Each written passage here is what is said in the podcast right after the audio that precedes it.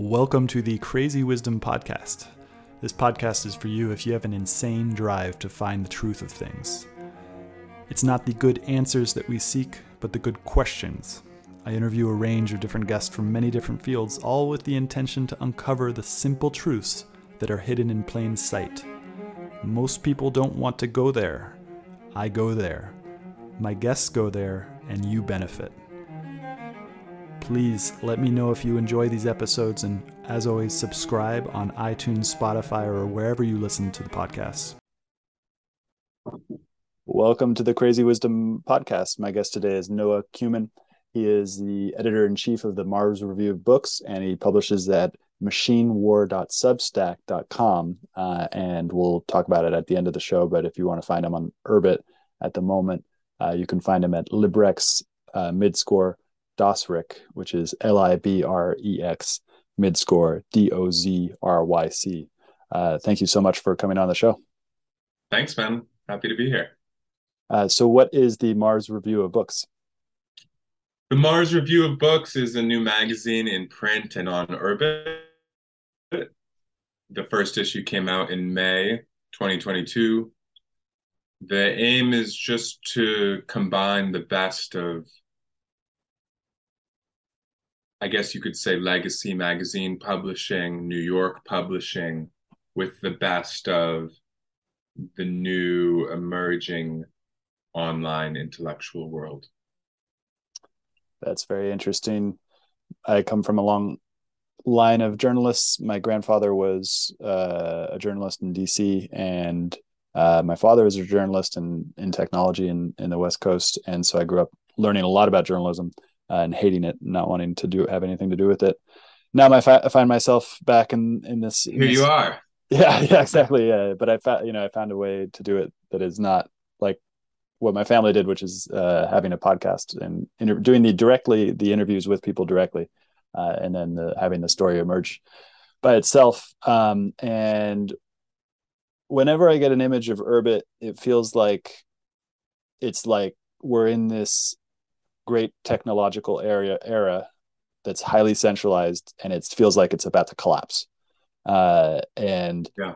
uh, and so in this collapse, it feels like Urbit is the kind of the thing, the stitching that will help it to collapse in a way that I would find more enjoyable than the current centralized version. Uh, what do you think about that? Yeah, you know what really brings it out into relief is that with all the negative sentiment from the FTX collapse and in general prices going down in Bitcoin and Ethereum, you see on crypto Twitter this kind of despair, and you see the people who are in it for a quick buck running away. And then you see just all this positive sentiment from Urbit people just, you know, building things because this is all it's always been a long-term project. Uh, it's never been a project that you know is tied to a huge circuit for bitcoin or ethereum although it ought to um it ought to coalesce very well with the world in which um you know digital native currencies peer-to-peer digital currencies one, but all the same, it's um, it's you know, I guess uh, Balaji Srinivasan has compared Urbit to the Galapagos Islands. You know, you get all those birds developing uh, independently of their of their cousins on the mainland. Uh, I think that's accurate, and so it's just a question of you know when everybody wants to move to the Galapagos unlike the physical islands, Urbit uh, has enough space for everybody. And then where do you? Well, sleep? yeah, everybody. as long as you can Go find ahead. it, right? Because that's the, yeah. the, seems to be the main thing about Urbit is the discover discoverability. It seems like it's almost on purpose is kind of opaque in that uh, people need to know certain people from other avenues in order to find out what's going on in Urbit in an interesting way. Yeah, you know, I talked to um, I talked to Curtis, who invented Urbit, and um, you know, the what I've heard is it was never really intentional to um, make it so difficult. But you know, the same way, it's not really intentional to make it difficult to find like uh, you know a certain bar or a certain scene. Like it's not like anybody's like putting up barriers, but it's just like it's just like you know if you if you want it, you have to want it. Um, that just happens naturally, I think, with physical spaces. And the only strange thing is that we've become so used, we've become so accustomed in digital spaces to this desperate preening um, desire among software as service corporations to get you and your mother and your grandmother like on it at once and hooked you know? Like that's not uh you know if i open a neighborhood bar sure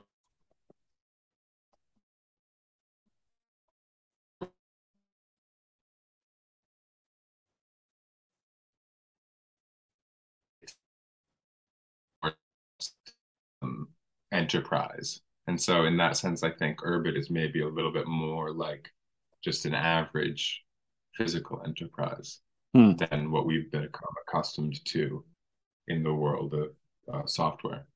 Yeah, I like that. It's been something that has been on my mind as I moved into the countryside uh, for the past two years. Ever since COVID, I uh, got myself five acres with with water and space and growing my own food. Uh, and and I did this directly from moving outside of a city where I had no experience in the countryside before. Um, and the city life prepared me exactly zero, maybe negatively prepared me because you know in a city like San Francisco or even any city in any large city in the world right now, um, and I've been to a lot of them, you can just go, and as long as you got money, everything is at your fingertips.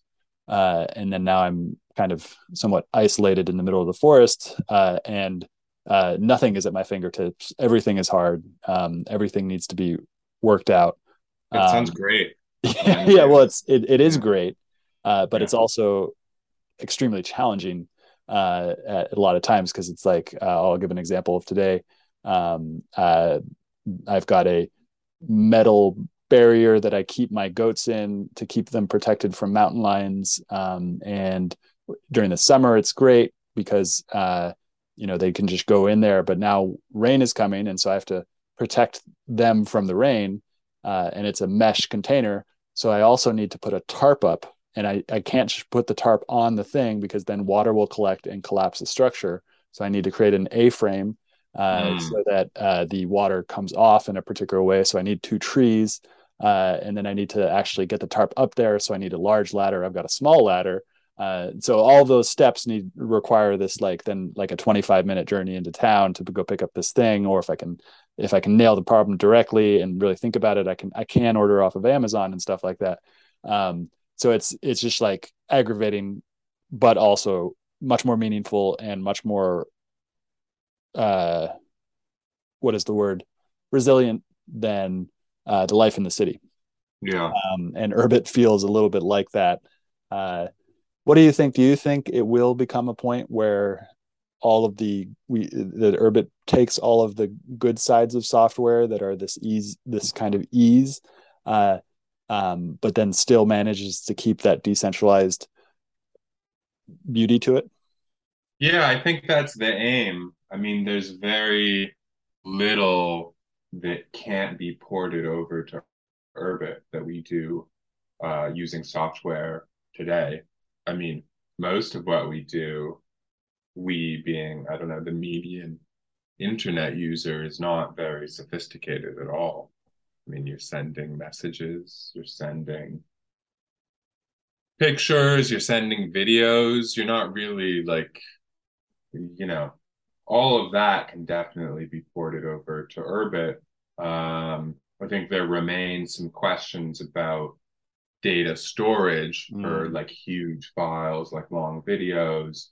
And so in that case, maybe, you know, Urbit could partner with a decentralized file storage hmm. system, mm something maybe like a IPFS, interplanetary file system, if you're familiar with that. Mm-hmm. I don't know. Mm-hmm. I mean, that's uh that's out of my league a little bit, but but yeah, I mean, you know, there's no reason all of the, you know, there's no reason we couldn't do everything we do on the internet through Urbit in the future. And I think that's very much the aim of the people building Urbit today is to is to get to a future where they only have to use Urbit. You know, I mean, I would love that. I would love to not touch the normie inter- internet. yeah, uh, and that's what I like about Urbit is that maybe I mean maybe there is a new a new normie internet that does get built off of Urbit, uh, but then you don't actually have to interact with it at all. You could just completely steer clear of it. And it seems totally. like like Mastodon is trying to do something similar, but it feels really clunky. Um, mm-hmm. and, um, yeah, I'm not an expert on Mastodon. You know, um, Urbit is the thing to underline is Urbit is just a much, much bigger and more ambitious project than Mastodon in terms of what it's trying to accomplish. I think, you know, as far as I can tell with Mastodon, it's sort of like, um, you know, you have a clone of Twitter, but instead of having one uh, database which everybody accesses, which is how Twitter works, right? I type in my username and then I di- basically dial into this, uh, you know, mainframe effectively run by Twitter, Mastodon. Okay, you have, um, you know, several different servers that you can dial into. Um, Urbit is Urbit is not just like a social media clone. Basically, the point of Urbit is that I mean, Urbit, your Urbit is a computer is something that is often said. That's confusing sometimes for people, including me, because you think of a computer as being hardware, right? But really, um, that use of the word computer is quite recent. In fact, as recently as uh, World War II, the main the what was described most typically by the word computer was a woman. It was like, you know, you had these engineers, you know, building like, you know, the von Neumann um, project. And then you had like teams of what were usually women doing what was, you know, very um, like relatively highly skilled secretarial work of like, you know, actually calculating numbers and and they were known as computers. um, um, but you know, so like you know, you could call an abacus a computer. You know, anything that is going to do computations for you is a computer. Um, so the Urbit uh, that I have on my laptop is a computer, and you know, there isn't really a limit to the types of computations it it can do. So somebody can build a new app for my Urbit. So I have chess on Urbit. You know what I mean? Like that you just somebody really quickly built a chess program for my Urbit. So really it's more like um, you know, a better, a good parallel for Urbit would be, you know, you could either think of the operating system that you use on your computer. I don't know if that's Mac OS or whatever. And then the really good parallel would be Linux, which I don't know if you're familiar with Linux, but that sort of the substrate on which all of the internet runs. So every, um, you know, every database, every server farm, Facebook, Amazon, Twitter, the actual computing that takes place um, are taking place on like big Linux machines, right? Um, so, you know, Urbit is similar to that in that it's, you know, it's a it's an all-purpose computing system just meant for individuals. Interesting. Yeah, and that's what it draws me to it is just like it's such an ambitious uh, project that is essentially creating a new operating system and a new internet directly into that new operating system and it's all decentralized uh, and distributed um, although it's funny that in the mountains here I, I found a guy who had grown up here but actually mm-hmm. further up into the mountains who also became a programmer but a pure tinkerer doesn't like to get paid as a programmer he's only uh, likes to get paid during the summer as a landscaper so that he can tinker and create his computer games um, online. And when I first told him about Urbit, he was extremely excited about it. I was like, yeah. yes, this is this is it. This is this is the thing, and started learning about it, and then became extremely angry uh, that uh, Urbit suggested that they put the your own personal server onto the cloud itself rather mm-hmm. than hosting your own your own um, your own per- personal server and said that within the directions as online directions as to how to the official online directions as to how to do it. That's um, interesting feedback. Yeah i mean that's a that's a question people who've been building urbit have been wrestling with um you know since i've known about the project. And i think you know if i were to uh, talk to your friend out there in the mountains uh, well, I don't know exactly what angered him about that. Well, he, he tends he that. tends to get angry about a lot of things, so it's not.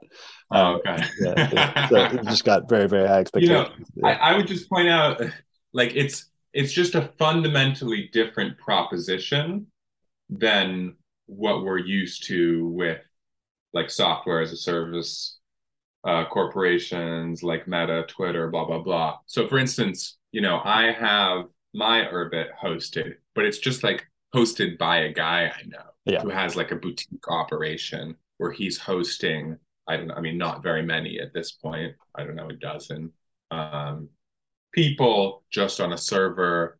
I don't know if that server is something you know he personal it might literally be a computer in his home or in his office i don't know yeah like i just know it's like um you know his incentive is not to mine my data.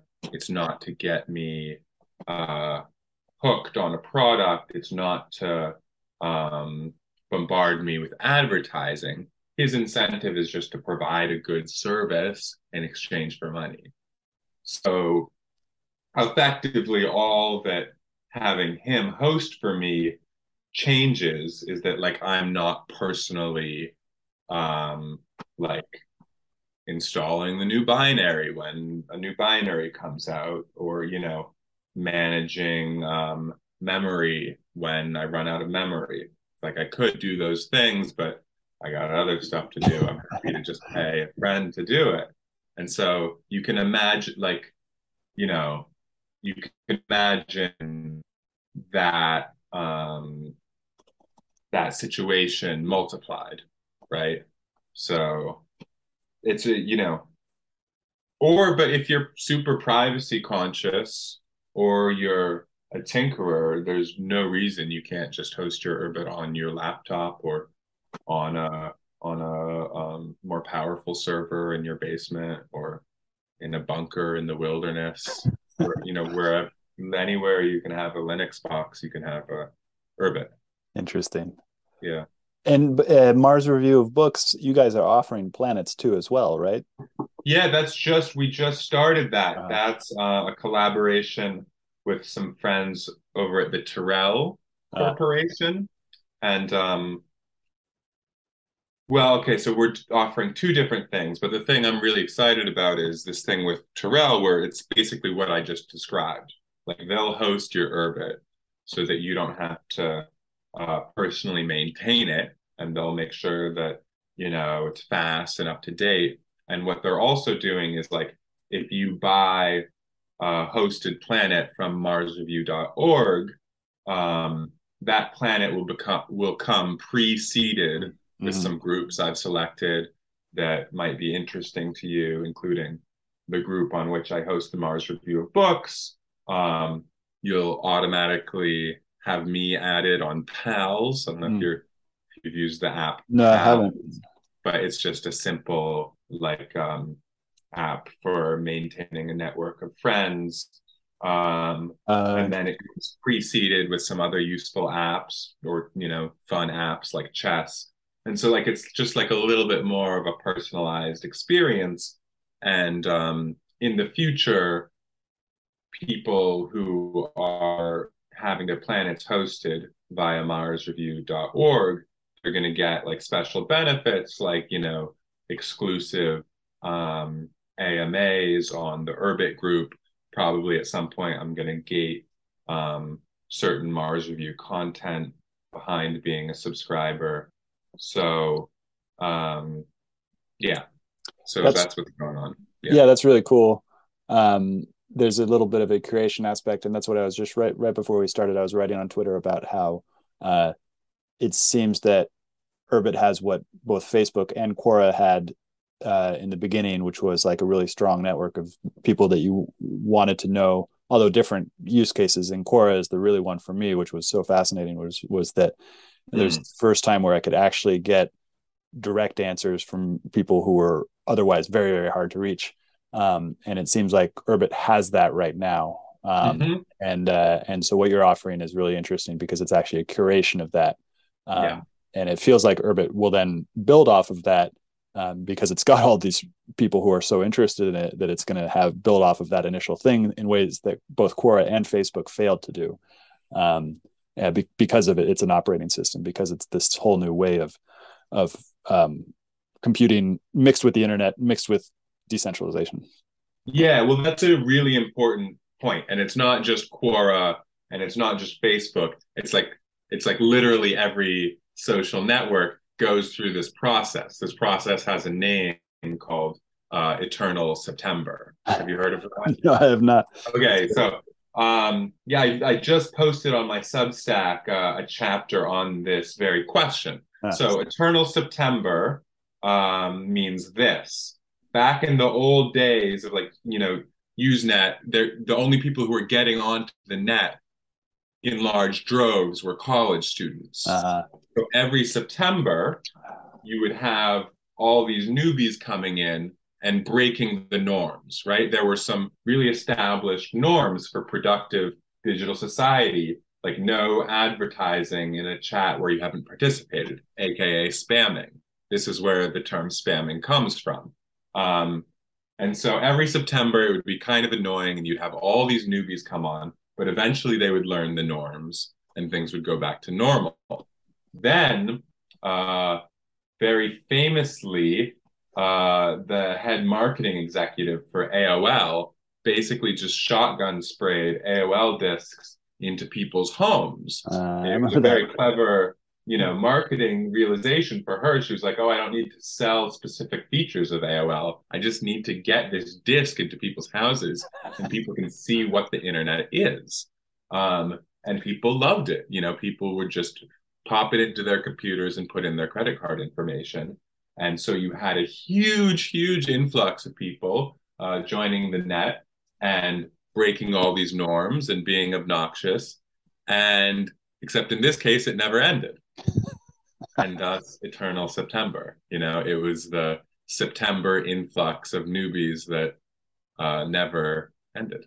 Interesting. Never normal. And so, so, yeah, go for it.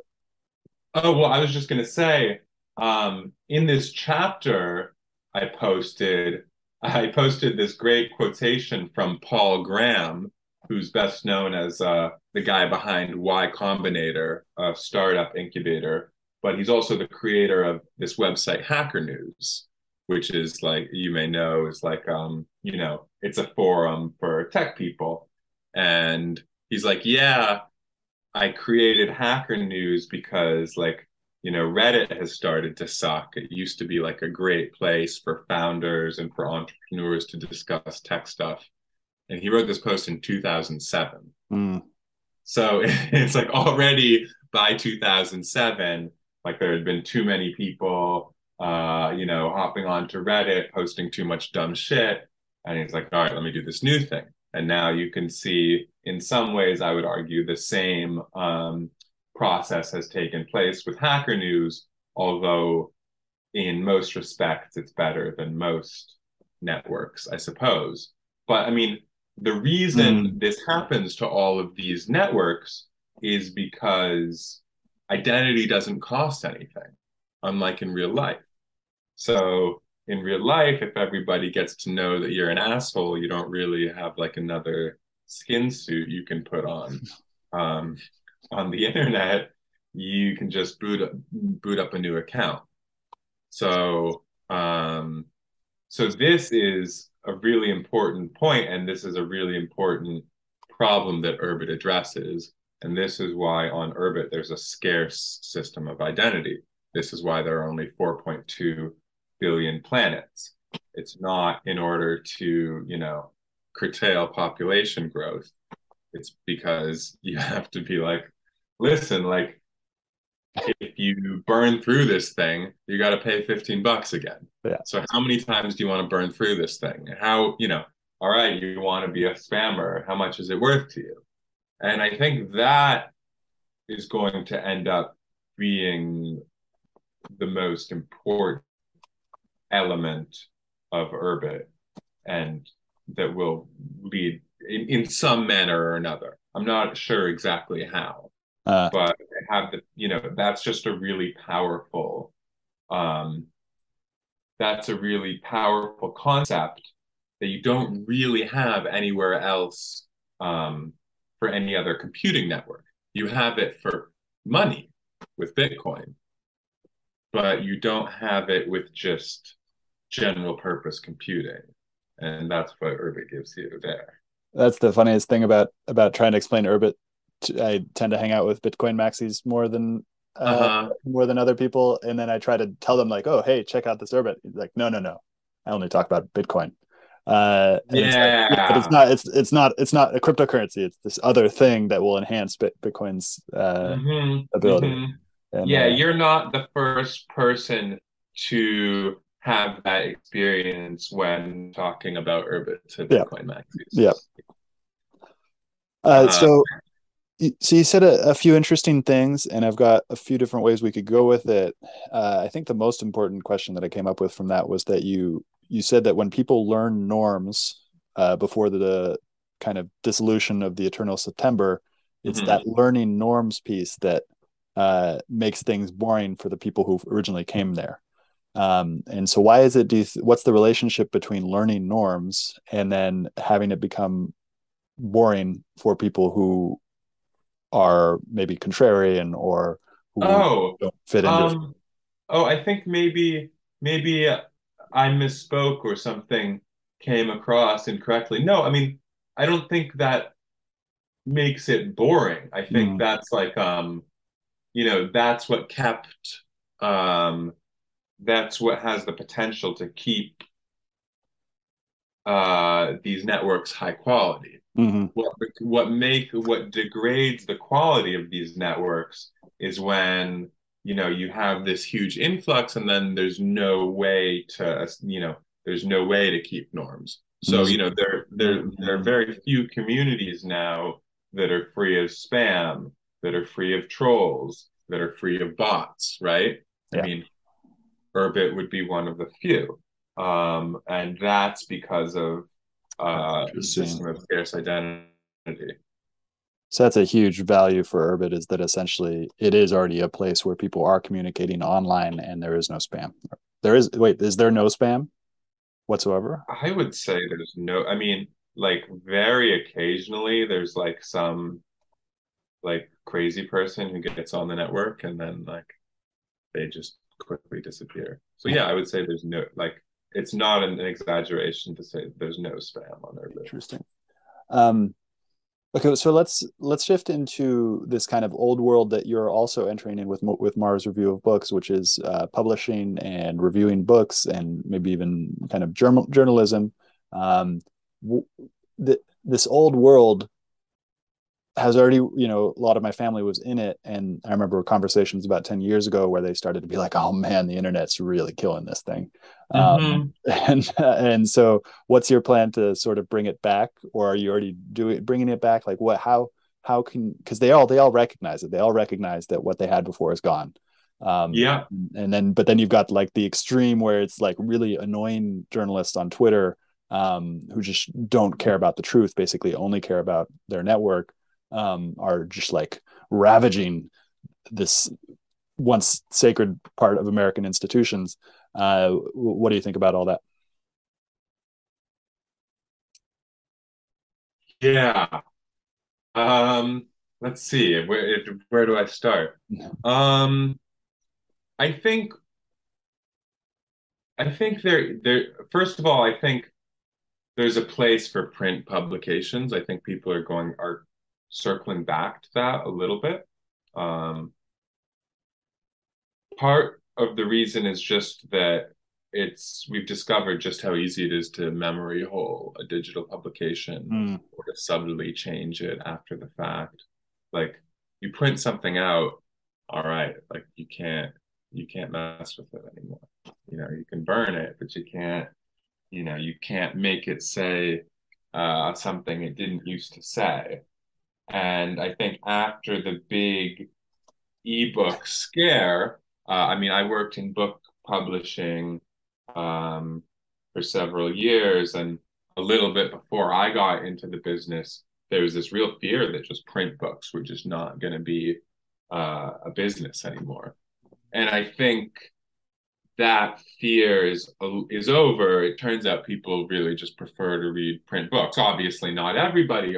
I don't mind, you know, reading a PDF of a book now and then, but people still want books and people still want print publications. Now, that being said, um, you know, I think serious literature is becoming a much more niche enterprise, Mm. and thus a book review um, Mm. that touches on, you know, a, that demands critical intelligence is going to be a niche enterprise as well, and that's a good thing.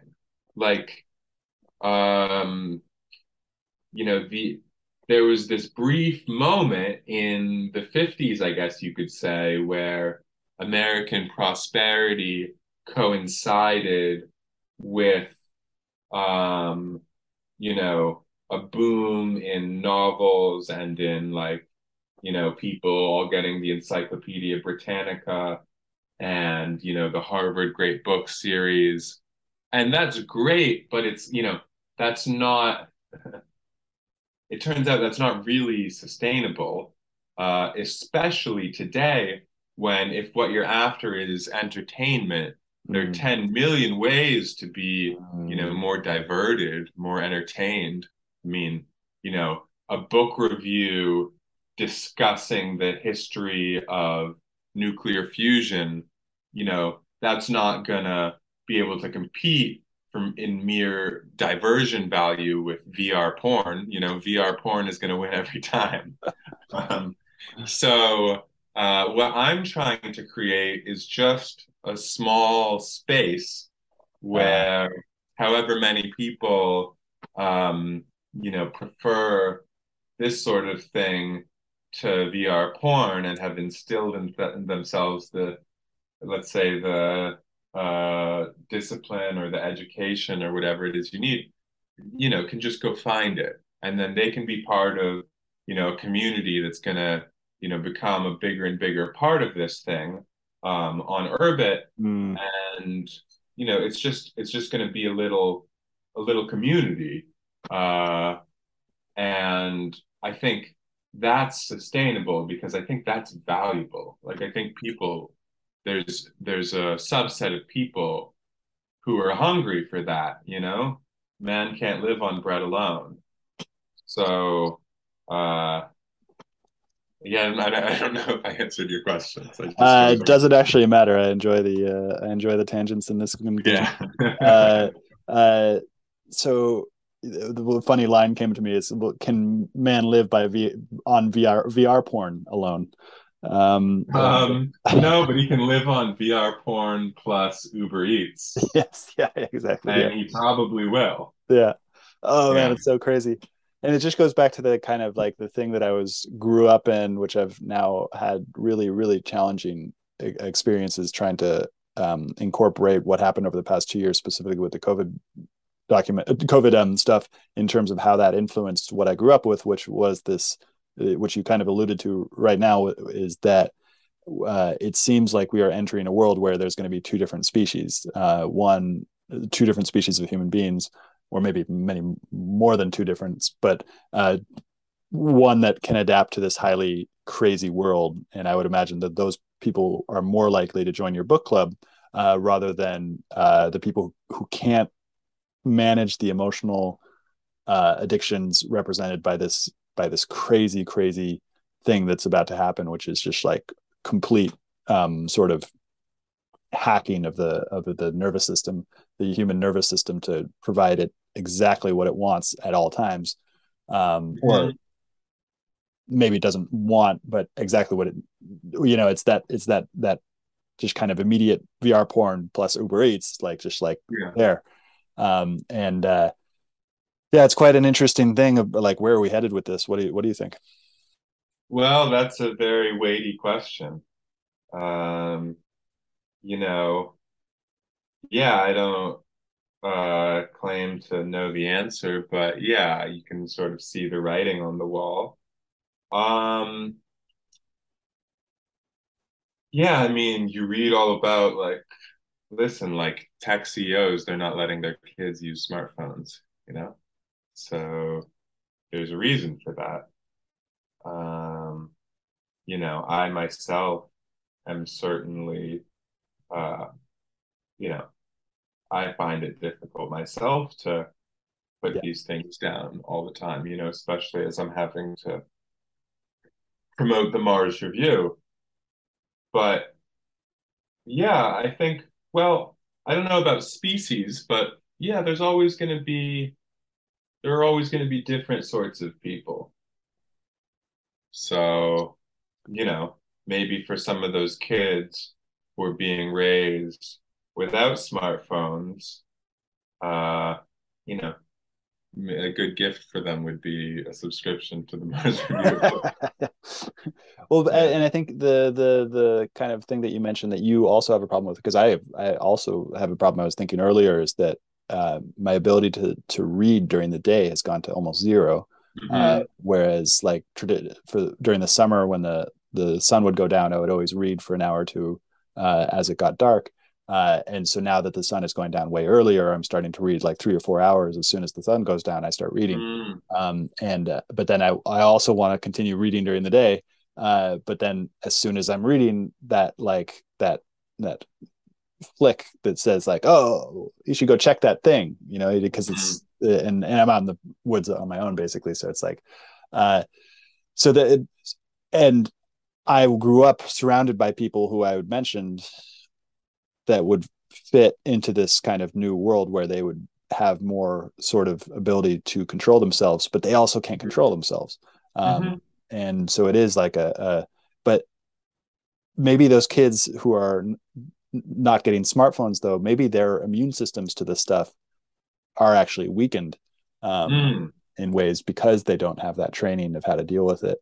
Um, it's a very interesting. interesting. Yeah, I hadn't thought about that.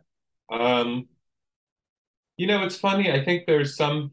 I mean, it sounds like you and I are similar in this, in that, like, you know, I just always felt very sensitive to uh, the emergence of all these new stimuli, and so for me, like, uh, the the fact that software is eating the world, as Marc Andreessen put it, was always like always struck me as a problem that has to either be you know that has to be that I had to deal with you know? So yep. I tried to deal with it by not using electronics um and I don't think that was the best way to do it but and then some people don't really experience it as much as a problem uh I think you know so I think some of these kids who are growing up without smartphones, if their parents are, let's say, tech elites, they're probably also teaching those kids to code, even if they're not using a smartphone. They're, they're being yes, computer yes. native,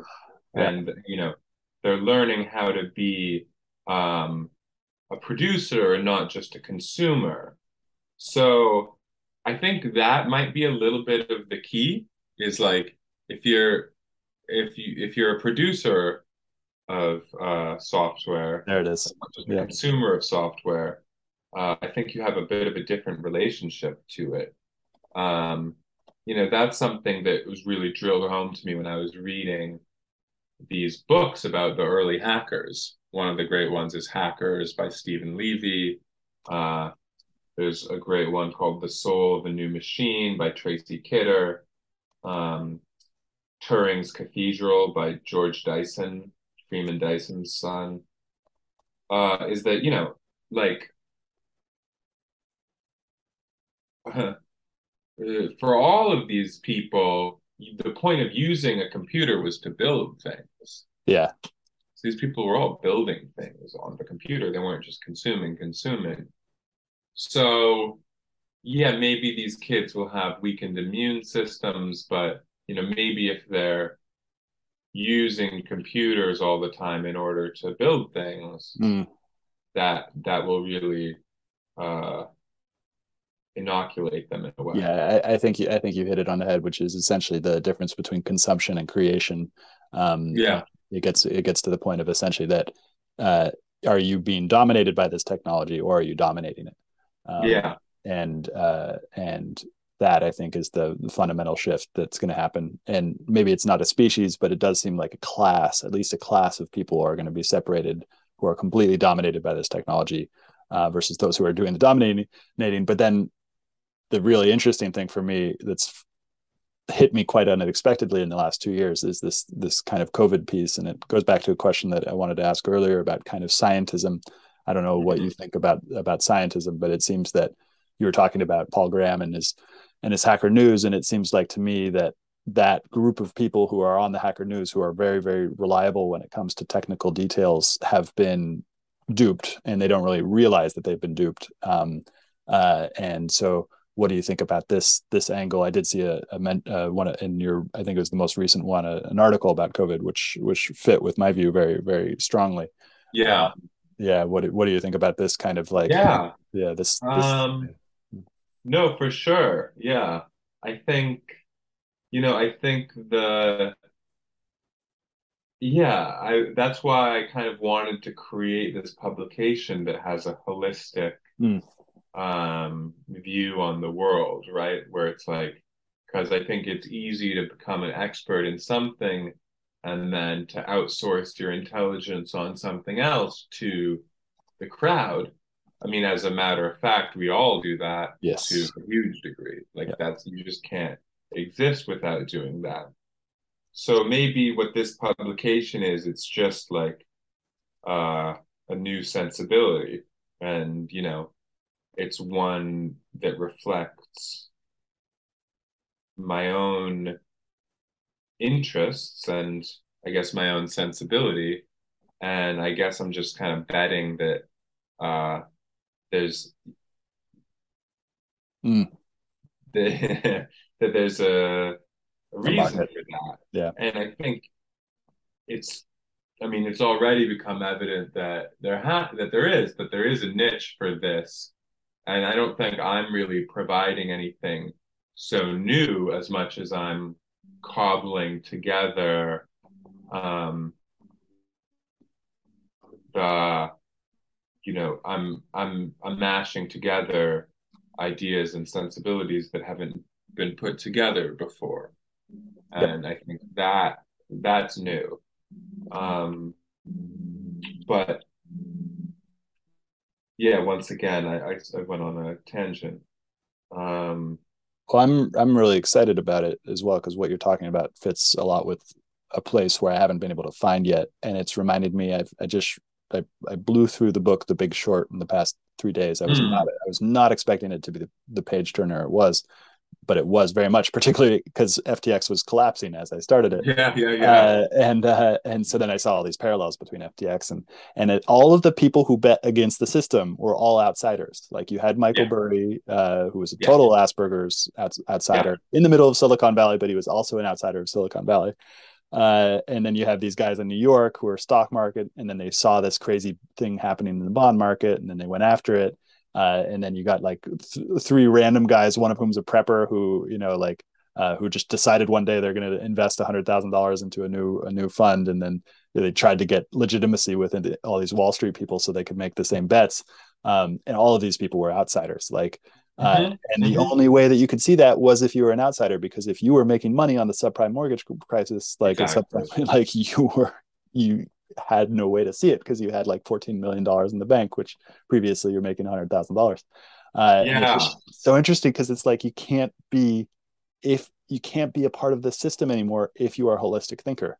um because yeah. it's just like it spits you out like the there's there's and so it's like this and that's what i'm realizing is like i'm an outsider to this thing and i'm living in the woods and and like it's just like so distressing because i see this thing and i've been yelling it off the mountaintops for the past two years about covid and it's like uh and it's just like oh my god what what is going on? Like this is crazy what's what's happening.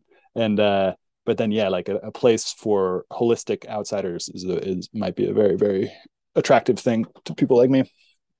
Yeah, that's such a great parallel um, because I think that's true in different domains too, which is, you know, if you've got the incentive not to see something, you won't see it. You know, it doesn't matter how many figures and facts are put in front of your nose. So that's clearly true of Wall Street guys who were incentivized not to smell anything foul in the subprime mortgage crisis. And it's true of the FTX thing. And it's also true um, in cultural production, in mm. the hmm. production of books, of movies. Um, so, yeah. And I think, you, you know, um, in all of these domains, more and more is being demanded of you if you want to be an insider, right? You have to believe more and more ridiculous things. You have to pay more and more heed to um, uh, what you could broadly say is the politicization of this field. If you're talking about book production, magazine production, film production. Mm, yeah, interesting. Um, that must feel attractive for you to enter this world uh, and then have kind of like a new space that you're creating out of it that you don't have to play those games. Yeah, yeah, yeah. It feels great. Um, you know, um, you know what you do realize is in the end, like, well, it's it's you know, there's no such thing as pure independence. Yes, yeah. I don't like think of myself as being. There are always games. Yeah, exactly. As being like, um, you know, no man is an island nobody has formed their ideas uh you know on his own so there's always a danger that you're gonna yeah you're gonna lose your critical faculties and but i just think uh you know in in the main market for books and magazines, we're way past that danger. We're just like, you know, we're off the edge and we're free falling. So I don't know. Hmm. Very interesting. That's okay. Yeah, it's a very good point about this this sort of uh, purity, because uh, that's also it, like the FTX thing hit a lot closer to home because I wasn't part of FTX, but I was part of this kind of crypto almost greed cycle that I had managed to to to not make horrible decisions the first two times that it happened, but this third one, I was like, I was so convinced that it was going to keep on going up. Um, yeah. And uh, and then and then it collapsed, and then nine months later, you find out that they're doing the same Ponzi stuff that they were doing the subprime mortgage stuff, but uh, inside inside the crypto, and that I was part of it. That I was part of that mentality. Uh, yeah. So interesting. Um, but which gets which brings to mind is this this the outsiders then become the insiders and then are then replaced by other outsiders who are becoming sure. insiders. Um, and there's no life. purity. Yeah, yeah, yeah, yeah, for sure. Which go, goes to mind, which is brings to mind Michael Burry because Michael Burry is one of those people who just like can't. The, he's the he's the main guy who figured out how to short uh, subprime mortgage uh, bonds that were being wrapped together in this insane yeah. way. And he was had Asperger's and had a history of just like not being able to socially communicate with anybody. Uh, and was excellent at making enemies. And so he made all of his investors millions and millions of dollars, and they all hate him still. Um, yeah. And uh, and so I just found that interesting as well. Well, you know what? So in the latest issue of the Mars Review of Books, there's just this magisterial piece on autism by Tao Lin. Oh, interesting. Um, yeah, I don't know if you're familiar with Tao's work at all, but he makes quite an interesting point in that piece which is that you know it may be that we're going to have to really rely on autists to a great deal in the future to keep keep things going because they're the people who have the independence and I think crucially um, are less um, seduced by uh, the pleasures of belonging to groups. Yeah. yeah. You know, it, it that seems like a very positive thing to be agreeable and to be um, you know, to get along with the group. Uh, but it turns out there, you know, there's obviously very dark sides to that as well. So yeah, we may have to uh, hitch our well-being to uh, autists like Michael Burry. I, I think in a way we have throughout the throughout all of civilization. There's yeah. a great, there's a great meme that goes from uh, that uh, that has a picture of a psychopath looking guy, and then it goes psychopath beats autist, and then autist beats normie, and then normie beats psychopath. Um, or no, I'm sorry, sorry, sorry. It's psychopath beats normie, normie beats autist, autist beats psychopath. Um, mm. And uh, and I think there's a, a very strange woo uh, theory that uh, you know 90% of human beings are uh, npc like or you know that don't don't have this sort of agency uh, and then 5% are have agency but use it for evil. And then there's 5% of humanity who has agency and then uses it for good by fighting that 5% that's interesting. Where, where did you where do you read that? I can't remember. Um, i think it was just on some random tweet a long time ago uh, from oh. I, am I'm pretty deep into the uh, non-dual uh, philosophy type of thing. So there's a lot of interesting characters uh, who who who who write stuff like okay. that but it, but no yeah it was it was a it, it was a rapper I don't think it was Kanye West, but it was some sort of rapper who held that philosophy. Um, and uh, and I can't remember who it was, but there is a rapper who who who who held this philosophy, and that's what he was like wrapped up in, basically. Yeah, I've come across similar ideas. I think actually the genesis of this idea that I've seen is the um, I guess you would say depth psychologist Abraham Maslow. Mm. I don't know if you're familiar with him, but uh, you know, he his main contribution was like formulating positive psychology, like oh, mm. what does a healthy person look like?